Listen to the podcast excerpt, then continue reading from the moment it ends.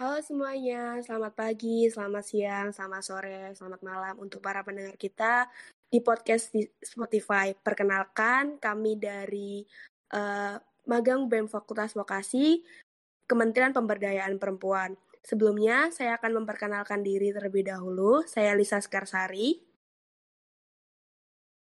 Dan saya Arninda Oktaviani. Dan saya Samratul Habibah. Guys, sel selanjutnya mungkin saya akan memperkenalkan narasumber kita, yaitu Kak Elni. Uh, Kak Elni ini sering banget loh aktif dalam kajian-kajian bidang perempuan. Dia juga sering banget jadi moderator talkshow dalam bidang ini. Uh, untuk Kak Elni mungkin bisa memperkenalkan diri lebih lanjut. Oke, okay. halo teman-teman semuanya. Sebelumnya thank you so much ya udah diberikan kesempatan nih buat sharing-sharing di sini di Wanitalk ya. Wanitalk sama teman-teman dari Kementerian Pemberdayaan Perempuan dari BEM Vokasi UNER. Thank you so much sebelumnya dan salam kenal juga untuk teman-teman semua yang sudah ada di sini dan juga untuk pendengar semuanya. Mungkin kenalan lagi dikit ya. Saya sendiri Alina Inggolan. Ya masih mahasiswa aktif ya, masih berkecimpung di UNER. Sekarang lagi skripsian juga di ilmu politik di FISIP UNER. Dan memang seperti teman-teman juga sempat sampaikan bahwa ya saya sendiri memang aktif lah ya, aktif berusaha untuk aktif semaksimal mungkin di kajian-kajian keperempuanan dan juga gender pun juga sekarang saya bersama dengan teman-teman yang lain juga beberapa lagi membangun lah yang membangun mencoba untuk memaksimalkan organisasi kita komunitas kita yaitu lingkar studi gender mahasiswa UNAR atau LSGM UNAR untuk saat ini memang fokusnya masih pergerakan-pergerakan untuk bisa mendorong adanya regulasi implementasi Permendikbud di Universitas Erlangga. Kurang lebih seperti itu sih teman-teman. Sekali lagi salam kenal. Oke, selamat kenal ya Kak Elni.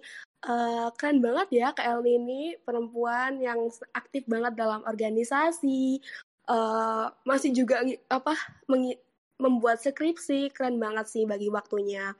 Oke, mungkin selanjutnya bisa diisi dengan materi yang akan dibawakan oleh rekan saya.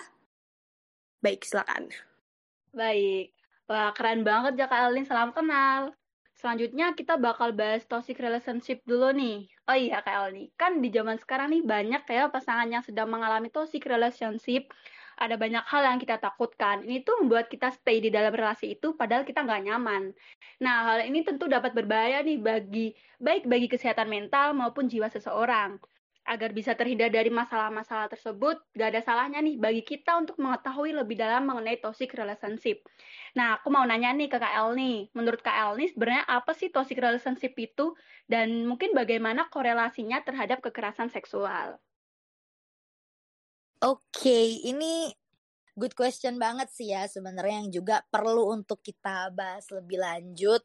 Mungkin juga rasanya toxic relationship ini adalah pembicaraan yang sangat-sangat dekat gitu loh ya di keseharian kita.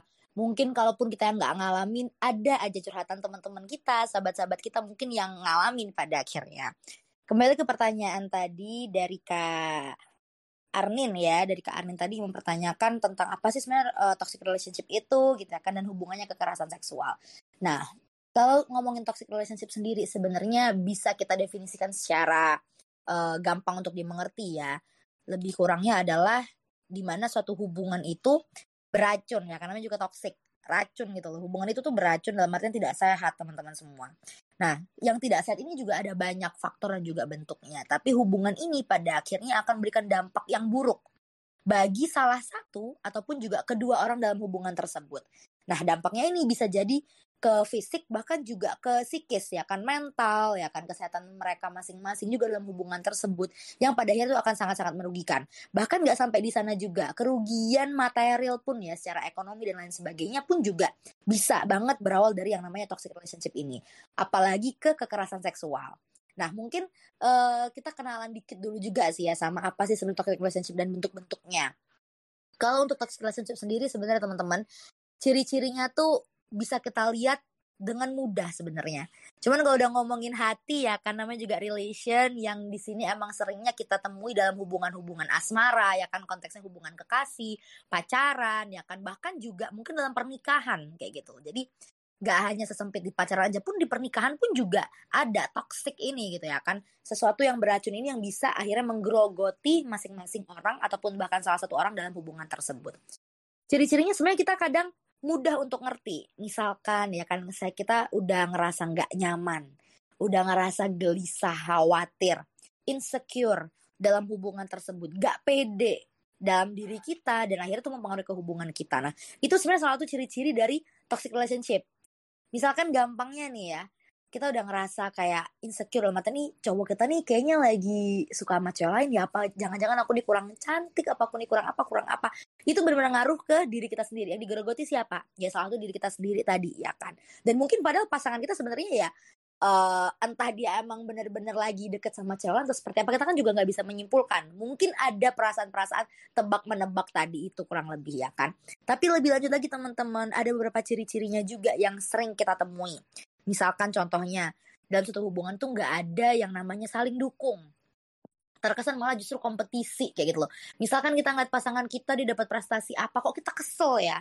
Kesel dalam artian kita akhirnya nggak jadi support ke dia, nggak suportif kayak gitu. Itu juga termasuk dalam bentuk-bentuk toxic dalam suatu hubungan kayak gitu. Ada lagi bentuknya juga misalkan uh, komunikasi ya dari komunikasi yang buruk. Misalkan kita kalau ngomong tuh bawaannya pakai kata-kata kasar, gak ada yang romantis, yang sweet gitu ya kan. Tapi ngomongnya kasar mulu, emosi mulu ya kan.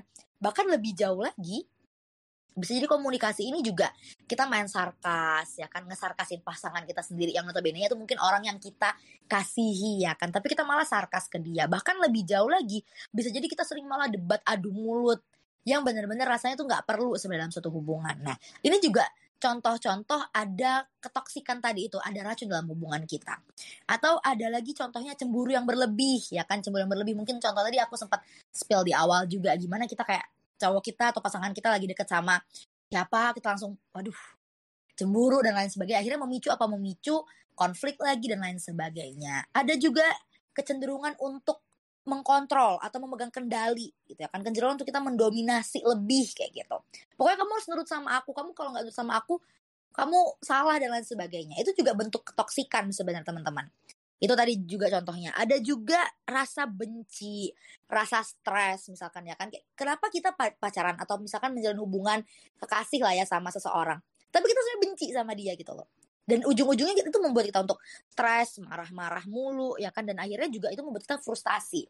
Itu juga bentuk dari toxic relationship. Bahkan juga jatuhnya nggak saling menghargai ya kan. Bahkan juga nanti saling istilahnya mendominasi dan juga didominasi. Jadi ada yang mendominasi, ada yang didominasi, bahkan juga lebih jauh lagi akhirnya ada juga yang mati-matian jaga hubungannya, dia nggak mau putus, nggak apa-apa aku sakit, nggak apa-apa aku menderita, tapi nggak mau putus. Kayak gitu. Itu juga termasuk satu hal yang toksik sebenarnya. Kenapa sih kita nggak pengen melepas orang itu, padahal mungkin kita juga disakitin dan lain sebagainya, tertekan secara mental ya kan, atau bahkan juga ke fisik. Nah, beberapa bentuk-bentuk tadi itu, teman-teman, itu kan larinya sangat-sangat emosional karena di sini kita ngomongnya konteksnya relasi yang kita pasti akan cenderung menggunakan what's inside our heart gitu ya kan, apa yang ada dalam hati kita kayak gitu. Nah, pada akhirnya ini juga akan bisa memicu ke tindakan-tindakan yang ke fisik kayak gitu. Jatuhnya mungkin awalnya kita cuma adu mulut nih ya kesel. Jalinan komunikasi kita nih kurang baik dalam satu hubungan. Kita adu mulut, adu mulut, adu mulut. Namanya kita emosi ya. Mungkin uh, istilahnya akan ada yang lebih expert untuk bisa membahasnya secara bagaimana uh, emosionalitas kita itu bisa berpengaruh sampai ke action, ke tindakan. Yang akhirnya kita lepas kontrol dan akhirnya terjadilah kekerasan-kekerasan fisik ya kan? Memukul menampar sengaja atau tidak disengaja ya kan? Akhirnya kita jadi ngerasa bersalah sendiri dan itu ganggu kita lagi pada akhirnya. Perasaan kita masing-masing juga bagi yang melakukan ataupun juga yang diperlakukan demikian seperti itu. Nah that's why kenapa toxic relationship ini sangat erat hubungannya dan kaitannya ke yang namanya kekerasan seksual? Karena kekerasan seksual ini bentuknya sangat banyak sekali gitu ya kan? Bentuknya banyak sekali. Misalkan contoh tadi ya kan kekerasan fisik pukul memukul ya kan? Dan juga pada akhirnya bisa jadi justru ada pemaksaan-pemaksaan hubungan yang tidak konsensual kayak gitu ya kan? Itu juga salah satu ya dari toxic relationship ini. Bagaimana ada satu orang yang mendominasi dan satu yang didominasi kayak gitu. Contoh misalkan ya kan? Kita di hubungan ini udah toxic nih. Kita yang tipikal yang manut aja walaupun kita sering mendapati perilaku-perilaku yang tidak sepantasnya dan saat pasangan kita meminta hal-hal yang kita tidak inginkan ya kan tidak ada konsensualitas di sana gitu ya kan pada akhirnya itu juga akan mengarahkan ke mana? Ke kekerasan seksual tadi. Misalkan hubungan intim yang tidak dikehendaki ya kan ya jatuhnya pemerkosaan seperti itu. Lalu juga misalkan pelecehan kita nggak mau tapi pasangan kita misalkan memaksa dan pada akhirnya rata-rata yang memang cenderung akan jadi banyak lebih korban itu dari sisi perempuan pun tidak menutup kemungkinan laki-laki pun juga banyak yang menjadi korban dari toxic relationship seperti itu. Nah, jadi uh, ini sih yang perlu kita waspadai dalam artian toxic relationship ini bisa mengarah ke yang namanya kekerasan seksual tadi. Jadi kaitannya akan sangat banyak sekali karena namanya relationship ini kan adalah kamar yang sulit diintip oleh orang lain, ya kan? Ini adalah hubungan yang private antara kita dan juga pasangan kita seperti itu. Sehingga gak banyak orang yang bisa ikut campur juga pada akhirnya. Nah, karena inilah biasanya ada yang namanya relasi kuasa, teman-teman. Ini yang mungkin perlu di-highlight lah ya. Toxic relationship itu dan juga kekerasan seksual ini adalah sangat erat kaitannya dengan yang namanya relasi kuasa. Ada yang lebih kuat, ada yang lebih tinggi, ada yang lebih mendominasi seperti itu. Yang pada akhirnya apa? Pada akhirnya orang yang lebih lemah, orang yang didominasi pada akhirnya harus kalah secara terpaksa bahkan seperti itu. Yang akhirnya dampaknya ke mana? Ya tadi kekerasan seksual yang akan berpengaruh baik secara fisik bahkan pun psikis apalagi juga ke kerugian material dalam artian mungkin uang dan lain sebagainya. Kurang lebih mungkin itu dulu teman-teman. Wah, bener-bener relate banget ya jawaban dari Kak Elni ini. Keren banget sih. Uh, mungkin juga para pendengar kita di podcast pasti banyak banget nih yang relate sama toxic relationship yang sudah dibawain sama Kak Elni ini oh iya bener banget sih kak. Tadi itu kayak uh, hubungan apa ya mau misalnya kayak temen saya itu mau kasih saran ke saya gitu kan. Tapi kan sebenarnya hubungan ini tuh private antara aku dan pacar aku gitu kan. Jadi agak susah banget nih buat uh, teman-teman ngasih saran gitu. Jadi ya keren banget sih jawaban dari Kak El nih. Ya kan Nin? Iya bener banget yang disampaikan sama Kak Elni barusan. Kayak mungkin teman-teman yang dengerin podcast ini bisa dihafal nih dari ciri-ciri bentuk-bentuk toxic relationship biar tidak terjerumus lebih dalam kayak kan tadi udah dijelasin nih sama KL nih mungkin akibat-akibatnya tuh bakal ngerugiin diri sendiri lah intinya Oke, okay, ya oke. Okay. Kita lanjut aja ya, langsung ke isu ke kedua. Mungkin akan dibawakan oleh teman saya Samrotul Habibah. Di sini kita akan bahas tentang uh, isu yang viral baru-baru ini nih tentang Novia. Gimana nih Bi? Uh, kira-kira isu yang mau dibawakan? Oke, baik. Jadi uh, berhubungan dengan toxic relationship ini, kami ingin membahas sedikit aja kasus viral yang baru-baru ini terjadi. Tentunya KL ini juga udah mengikuti berita tentang Novia Widiasari ini kan? Ya, betul, betul, betul. Oke, tapi mungkin bagi pendengar podcast, ada beberapa yang belum tahu nih tentang berita viral. Jadi aku mau membahas sedikit tentang berita ini. Novia Widyasari ini menjadi korban pemerkosaan oleh pacarnya sendiri. Bahkan Novia ini sudah mengalami kehamilan sebanyak dua kali. Tapi ketika dia e, mau meminta pertanggungjawaban kepada pacarnya, si Randi ini malah memaksa untuk menelan pil aborsi berkali-kali. Selain itu, Novia juga udah berusaha mengakses layanan PPA, akan tetapi respon yang diberikan oleh PPA itu sangat lambat. Pamannya juga eh, mengancam akan membunuhnya karena dianggap mempermalukan keluarga nih. Kemudian karena hal-hal yang menyakitkan ini terus terjadi bertubi-tubi pada si Novia, maka akhirnya dia memutuskan untuk bunuh diri. Di sini aku mau uh, minta pendapat dari Kak Elni. Menurut Kak Elni, bagaimana sih tanggapan mengenai kelambanan respon PPA dalam kasus yang menimpa Novia? Padahal kan PPA ini uh, memiliki tugas untuk mengayomi perempuan dan anak. Akan tetapi kenapa cara kerjanya seperti itu? Aku mau minta pendapat Kak Elni ini, gimana kira-kira?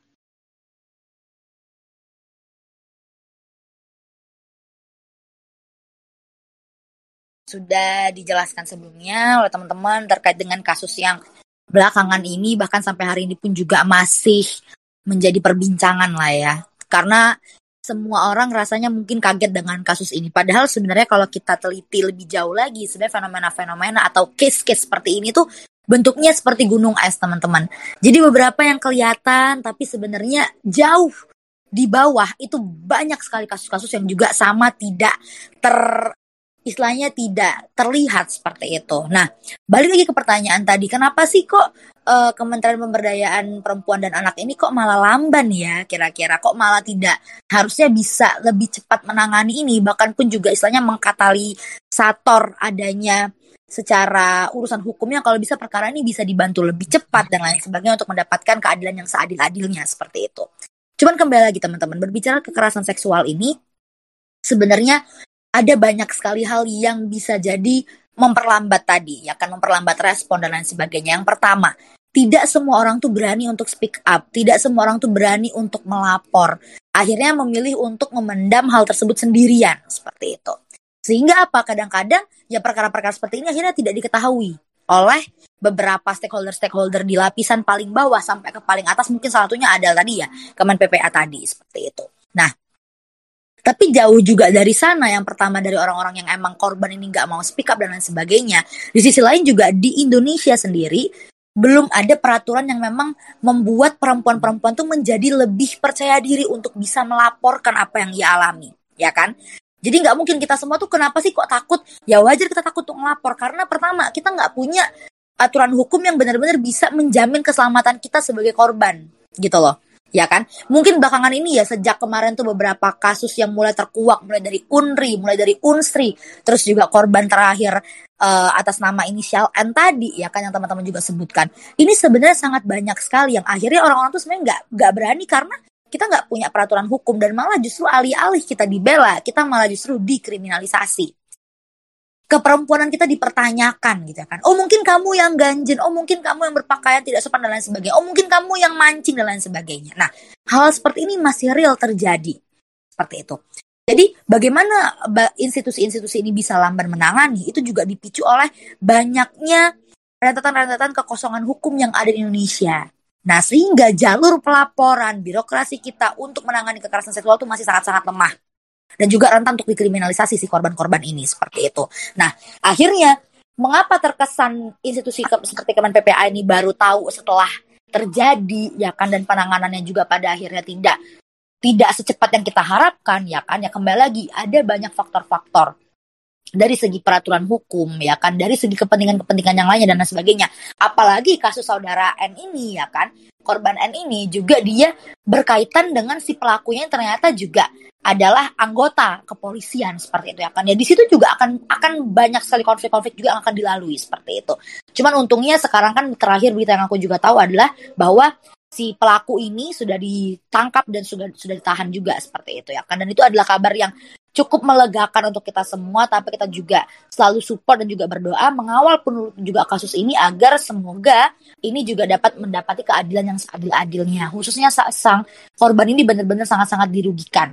Mungkin daripada uh, kalau aku lihat ya sebenarnya daripada kita fokus ke bagaimana cara pemerintah ini merespon ya kan sebenarnya ada juga poin yang lebih seksi untuk kita bahas sebenarnya. Contoh terkait dengan fenomena aborsi teman-teman semuanya fenomena aborsi ini masih banyak istilahnya pro kontra pro kontra. Banyak yang merasa oke okay, ya uh, ada yang namanya otoritas tubuh. Kita sebagai perempuan pun juga laki-laki itu punya otoritas tubuh kita sendiri. Jadi misalkan kita pada akhirnya karena hubungan ini ataupun juga hasil hubungan tersebut tidak dikehendaki gitu ya kan kita punya hak untuk bisa memilih mengaborsi seperti itu. Tapi di sisi lain juga ada banyak peraturan-peraturan dari sisi agama maupun juga norma-norma sosial dan lain sebagainya yang akhirnya memberikan rintangan-rintangan tersendiri untuk mengambil langkah tersebut yaitu adalah tindakan aborsi tadi itu.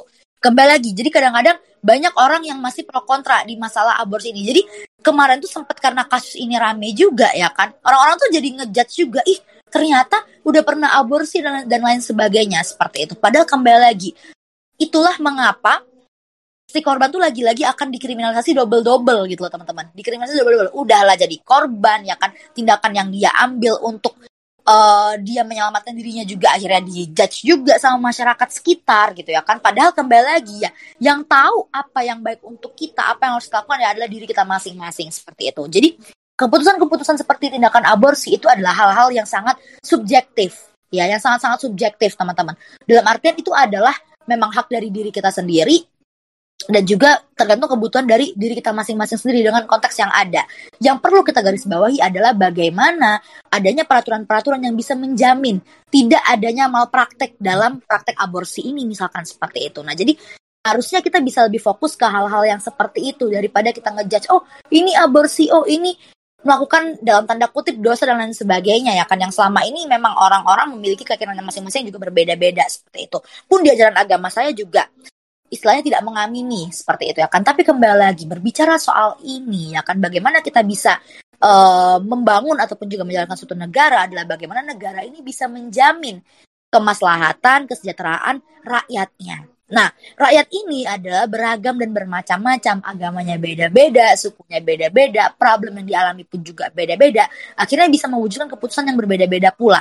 Nah, kalau berbicara lagi kembali soal aborsi tadi, ya kan harapannya kita semua untuk mendengar podcast-podcast hari ini ya bisa lebih bijaksana, bisa lebih bijaksana dan tidak menghakimi karena kita nggak tahu apa yang di apa yang dirasakan sama korban di posisi tersebut gitu loh kita nggak pernah tahu kayak gitu. Jadi harapannya dengan case ini kita bisa banyak belajar bahwa kita nggak pernah tahu apa yang melalui orang-orang dan biarkanlah keputusan-keputusan tersebut bisa menjadi hak dan juga tanggung jawab dari orang-orang tersebut. Jadi kalau ngomongin soal relationship, kekerasan seksual, sebenarnya kembali lagi kepada diri kita masing-masing. Diri kita masing-masing ini sudah cukup bertanggung jawab atau belum terhadap diri kita sendiri. Kayak gitu. Mungkin itu yang uh, aku sering banget bilang kita sebagai perempuan itu harus bertanggung jawab kepada diri kita sendiri dulu yang terpenting. Kita harus paham resiko, kita harus paham, oh kalau aku berbuat ini, resikonya adalah ini, ini, ini, ini, ini. Nah, kalau kita sudah siap dengan resiko tersebut, boleh silahkan take uh, apa ya istilahnya ambil tindakan tersebut kayak gitu loh. Nah itu untuk dalam case yang konsensual ya teman-teman ya. Tapi beda lagi dengan pemerkosaan bagaimanapun situasi kondisi ya kan? Yang salah adalah pelaku teman-teman semuanya. Yang salah adalah teman-teman pelaku. Bahkan kalau misalnya kita lebih bahas lebih jauh lagi ya karena hubungannya sama toxic relationship ya kadang-kadang hubungan yang katanya dalam tanda kutip konsensual nih misalkan gini konsensualitas itu istilahnya konsen itu teman-teman ya harus benar-benar disampaikan dengan lugas dan jelas. Contoh nih misalkan kita pacaran nih ya kan kita pacaran. Si A atau misalkan pasangan kita laki-laki misalkan ya dia istilahnya mengkomunikasikan komunikasikan eh kamu mau nggak uh, berhubungan lebih jauh sama aku? Dan artian aku boleh minta cium nggak? Dan lain sebagainya gitu ya. Terus misalkan kita sebagai perempuan misalkan memberikan istilahnya uh, istilahnya memperbolehkan gitu ya kan. Oh iya boleh kok cium. Oke cium. Nah konsen itu harus tegas dan juga lugas sekali lagi. Misalkan kalau kita emang bilang iya untuk cium tapi belum tentu iya untuk yang lain Nah, sampai sini mungkin kita sama-sama bisa apa ya, memahami lebih jauh lah ya. Kebanyakan ya kan ada pemerkosaan dalam hubungan pacaran ya kan. Itu tuh juga karena konsen tadi itu tidak disampaikan dengan jelas dan juga lugas. Jadi kita cuma ngomong, kita cuma sampai pengen, aku nggak pengen lebih jauh, aku nggak pengen ada penetrasi misalkan. Aku cuma ingin sebatas ya boleh mau ngapain aja, tapi aku nggak mau penetrasi misalkan. Penetrasi dalam artian paham kan teman-teman penetrasi paham kan? Paham nggak penetrasi? Kurang paham sih kak. Mungkin gak bisa jelaskan okay. gitu. Penetrasi itu ya bagaimana saat penis emang masuk ke dalam vagina gitu teman-teman. Jadi bener-bener dalam tanda kutip dimasukin gitu loh. Ya mungkin ada teman-teman yang emang kayak aku nggak mau sampai sejauh itu. Aku nggak mau ada penetrasi. Aku cuma mau ya mungkin kita sekadar kadel ya kita yeah. enjoy quality time bareng dan lain sebagainya kayak gitu. Tapi kadang-kadang kadang-kadang ada baik perempuan maupun juga laki-laki kadang nggak paham itu. Oh kalau dia udah mau dicium berarti dia mau nih aku masukin. Nah jadi hal, -hal seperti itu itu yang seharusnya kita bisa lebih lugas dan juga tegas dalam berhubungan. Utamanya dalam relationship kita ya dalam hubungan asmara misalkan agar hal-hal yang tidak kita kehendaki itu ter bisa apa ya bisa tereduksi bisa kita nggak mendapati hal yang kita tidak inginkan mungkin itu dulu sih dari aku wah keren banget sumpah Oke, oke, bisa dilanjut teman saya mengenai solusi supaya kita tidak terjebak dalam hubungan toksik.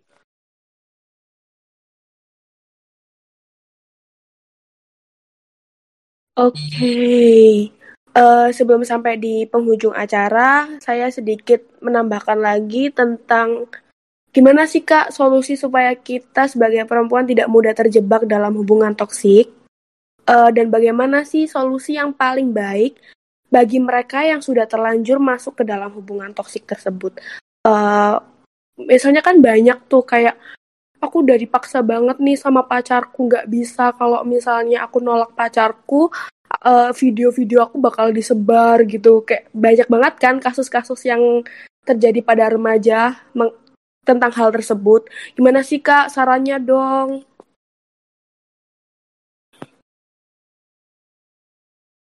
Oke, jadi kalau tadi yang sempat disampaikan ya, apalagi ada ancaman-ancaman seperti itu, itu akan memicu kekerasan seksual yang namanya revenge porn kembali lagi. Jadi sekali lagi kita highlight bareng-bareng ya bahwa toxic relationship ini akan sangat-sangat erat kaitannya dan jatuhnya nanti pada akhirnya masuk ke kekerasan seksual seperti itu teman-teman. Nah jadi mungkin aku juga pengen infoin lah ya, pengen sharing sedikit juga ada beberapa tipe-tipe sebenarnya dari toxic relationship itu yang udah sempat aku catat buat teman-teman semuanya. Jadi yang pertama tuh ada yang namanya uh, istilahnya uh, tukang meremehkan ya kan atau istilahnya bahasanya uh, gitu. Mereka tuh adalah orang-orang yang suka meremehkan. Jadi misalnya dalam hubungan pasangan ya kan saling meremehkan satu sama lain itu juga termasuk toxic. Dalam artian tuh orang-orang yang bisa toxic dalam hubungan kita. Kita pacaran tapi kok pasangan kita kok ngeremehin kita terus ya. Kita bikin ini kok dia ngerasa kayak ah enggak itu biasa aja nggak keren. Kita post foto ini bukannya dipuji malah dia kayak ih kamu apaan sih kok makeupnya kayak gitu dan lain sebagainya. Nah itu sebetulnya termasuk yang namanya toxic relationship. Ada juga yang namanya the guilt inducer atau pemicu rasa bersalah ya kan? Jadi dia selalu playing victim terus di hubungan. Kamu masa tega sih sama aku? Aku udah gini gini gini. Sehingga apa yang kita sampaikan tuh membuat pasangan kita merasa bersalah. Itu juga termasuk toxic. Ada juga yang namanya the bad temper toxic person ya kan istilahnya. Jadi dia yang marah-marah terus, marah apa-apa marah. Kamu kok gini, kamu kok gini, kamu kok gini. Pokoknya dia marah mulu. Akhirnya membuat kita juga merasa tertekan, stres gitu ya. Itu masuk ke toxic juga. Ada juga yang overreactor. Jadi kalau misalnya ada apa-apa dia overreaction dan lain sebagainya kayak gitu. Ada juga yang over dependent. Nah, over dependent ini dia benar-benar ketergantungan banget. Dia nggak bisa apa-apa tanpa pasangannya kan ngerepotin jatuhnya ya kan akhirnya ya. Ada yang seperti itu itu juga termasuk toxic teman-teman. Jadi kita harus hati-hati. Uh, ada yang namanya over dependent ada juga yang namanya uh, independent tapi jatuhnya ke toxic controller. Jadi ada yang terlalu ketergantungan banget sama orang ada yang dia independen banget akhirnya dia toxic dalam mengkontrol karena aku independen jadi aku pokoknya ngontrol kamu terus kamu harus ini kamu harus ini kamu harus ini. Gitu. Itu juga ada yang seperti itu. Lalu ada juga yang namanya the user.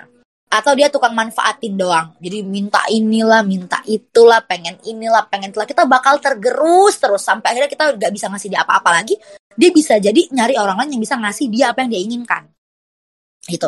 Dan yang terakhir ada juga yang namanya the possessive sampai paranoid toxic uh, controller lah istilahnya. Jadi dia posesif ya kan? Bahkan jatuhnya sampai ke paranoid. Kayak misalkan duh kamu di mana? Kamu harus pap kamu harus video call sama aku segala macam bla si pasangan lagi nongkrong si pasangan lagi kerja dikontrol terus posesif terus apa apa harus kabarin apa harus kabarin. Itu juga akan membuat pasangan lain tidak tidak merasa nyaman dan juga aman gitu ya kan? Itu jadi ada beberapa tipe-tipe yang namanya toxic relationship tadi itu seperti itu. Nah kembali lagi gimana cara kita bisa mengatasi ya kan? Uh, ketoksikan dalam hubungan kita gitu kan. Sejujurnya pun juga aku sometimes pernah ngerasa di fase wah ini hubunganku lagi toksik nih kayak gitu ya kan. Hubunganku lagi toksik. Menurutku salah satu cara utama adalah untuk menghilangkan ketoksikan itu adalah dengan berkomunikasi kembali lagi, berkomunikasi lagi. Kita nggak bisa untuk terus-terusan menahan apa yang kita rasakan kayak gitu teman-teman. Karena menurutku pribadi, menurut pengalaman aku pribadi juga ya kan, pada akhirnya semakin kita menahan apa yang kita rasakan, semakin kita nggak mau nyampein apa yang kita rasakan, itu akan jadi bola salju yang pada akhirnya hubungan kita bakal hancur-hancur juga. Kayak gitu. Menurut pengalaman pribadi nih ya. Jadi bukan dokter cinta tapi ya share pengalaman pribadi aja. Yang jelas menurutku kunci yang paling utama adalah komunikasi. Kita harus ngomong. Karena kebanyakan tuh kadang-kadang, kadang ya, mungkin aku sebagai perempuan juga kadang-kadang tuh uh, ada di fase yang kayak aku malas ngomong po. Oh kamu ngerti yo dewi aku tuh maunya apa gitu ya kan. Sometimes kadang ada ngerasa itu mas aku harus ngomong sih kamu harus ngerti sendiri kamu peka sendiri atau seperti apa gitu ya. Nah itu juga bisa jadi sebuah uh, toxic trait pada akhirnya ke pasangan kita karena mereka juga nggak ngerti harus seperti apa. Jadi yang pertama adalah komunikasi. Nah yang menjadi masalah adalah sometimes ada yang ngerasa tuh kayak aku takut untuk komunikasiin, aku takut untuk bilang aku insecure, aku takut untuk bilang aku tuh nggak pede sama kamu, aku takut untuk bilang aku tuh kesel sama kamu, aku tuh marah sama kamu. Ada ketakutan untuk komunikasi. Nah, dan jadi pertanyaan adalah bagaimana kita bisa menjalani hubungan yang sehat kalau untuk mengutarakan apa yang kita rasakan aja kita nggak bisa. Gitu sih kalau menurutku. Jadi uh, sebenarnya ini kembali lagi kepada kualitas diri teman-teman. Ya bisa aku katakan ini juga kembali ke kualitas diri. Bagaimana kita mungkin sebagai anak muda lah ya konteksnya mungkin aku fokuskan ke anak muda yang menjalani hubungan asmara ya kan pacaran dan lain sebagainya.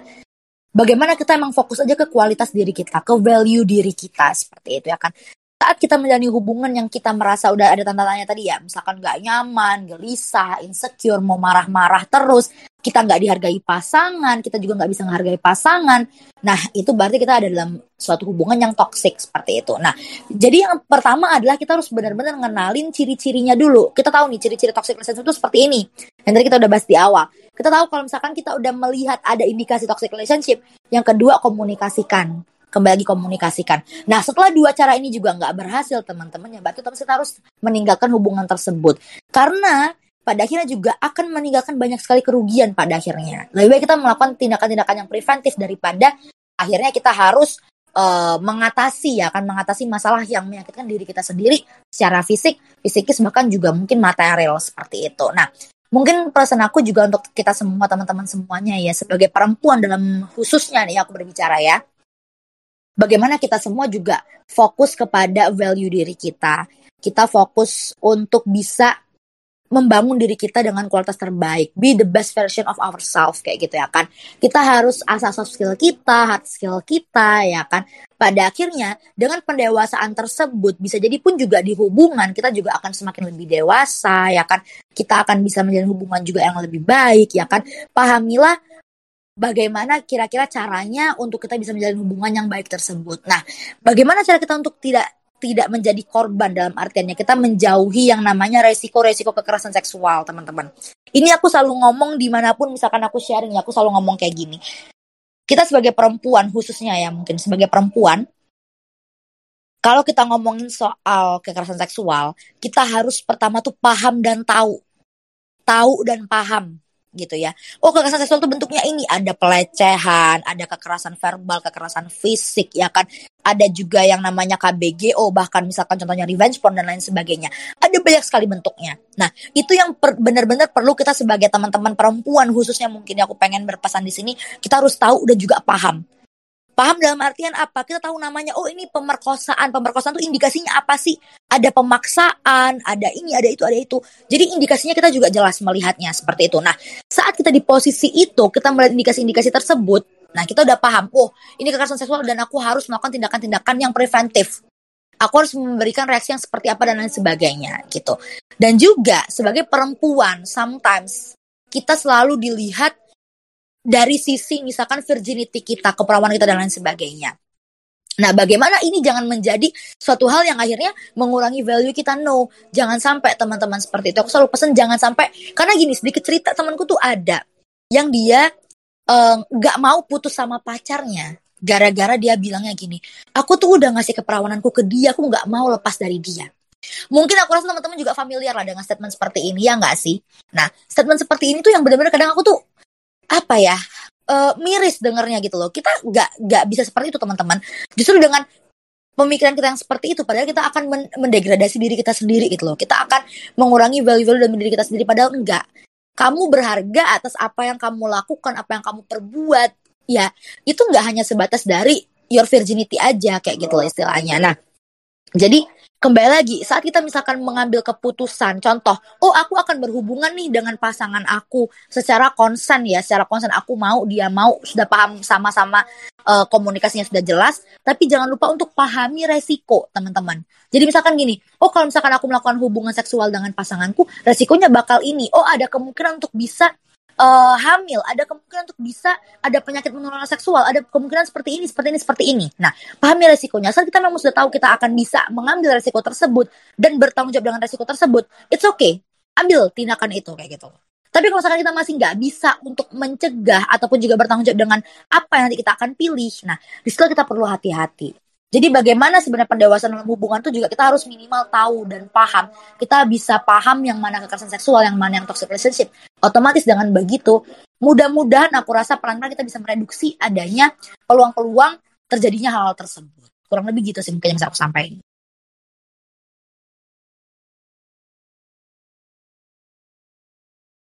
Wah, keren banget ya materi pada hari ini. Mulai dari apa sih toxic relationship itu, sampai kasus Novia, terus tadi Kak Elni sempet sharing-sharing sedikit tentang uh, masa tentang masalah pribadinya, terus juga solusi dari Kak Elni. Uh, semoga podcast hari ini tuh bisa gitu loh jadi pembelajaran untuk para pendengar kita di Spotify gitu.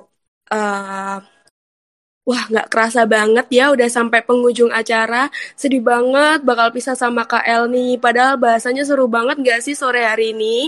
Uh, bener-bener bisa membuat kita lebih open-minded lagi tentang toxic relationship ini. Uh, sebelumnya aku sampaikan terima kasih banyak untuk Kak El nih yang sudah mau sharing-sharing sama kita, memberikan materi yang benar-benar berkualitas, membuka membuka pikiran uh, khususnya para remaja tentang toxic relationship ini, terus juga uh, memberikan apa ya, um, ya sedikit membuka pikiran saya juga tentang hubungan yang sedang saya jalani gitu. Iya bener banget Lisa. Uh, jangan bosan-bosan ya untuk nunggu podcast kita selanjutnya gitu. Oke. Okay. Terima kasih. Okay. Aku juga Arninda Oktaviani mau ngucapin makasih banyak buat KLD. Pokoknya makasih banyak banyak banyak udah mau nyempetin waktunya buat sharing-sharing sama kita. Ya, semoga nggak bosen ya nanti kalau misalnya lain kali atau lain waktu eh, kita undang lagi buat ngobrol di podcast kita. Siap, aku juga thank you so much. Mungkin terakhir sih dari aku, uh, untuk kita semua ya khususnya dalam suatu hubungan ketahuilah bahwa semua yang kita rasakan tuh adalah valid. Jadi jangan takut salah. Itu sih. Iya. Yeah, mantap mantap. Oke. Okay.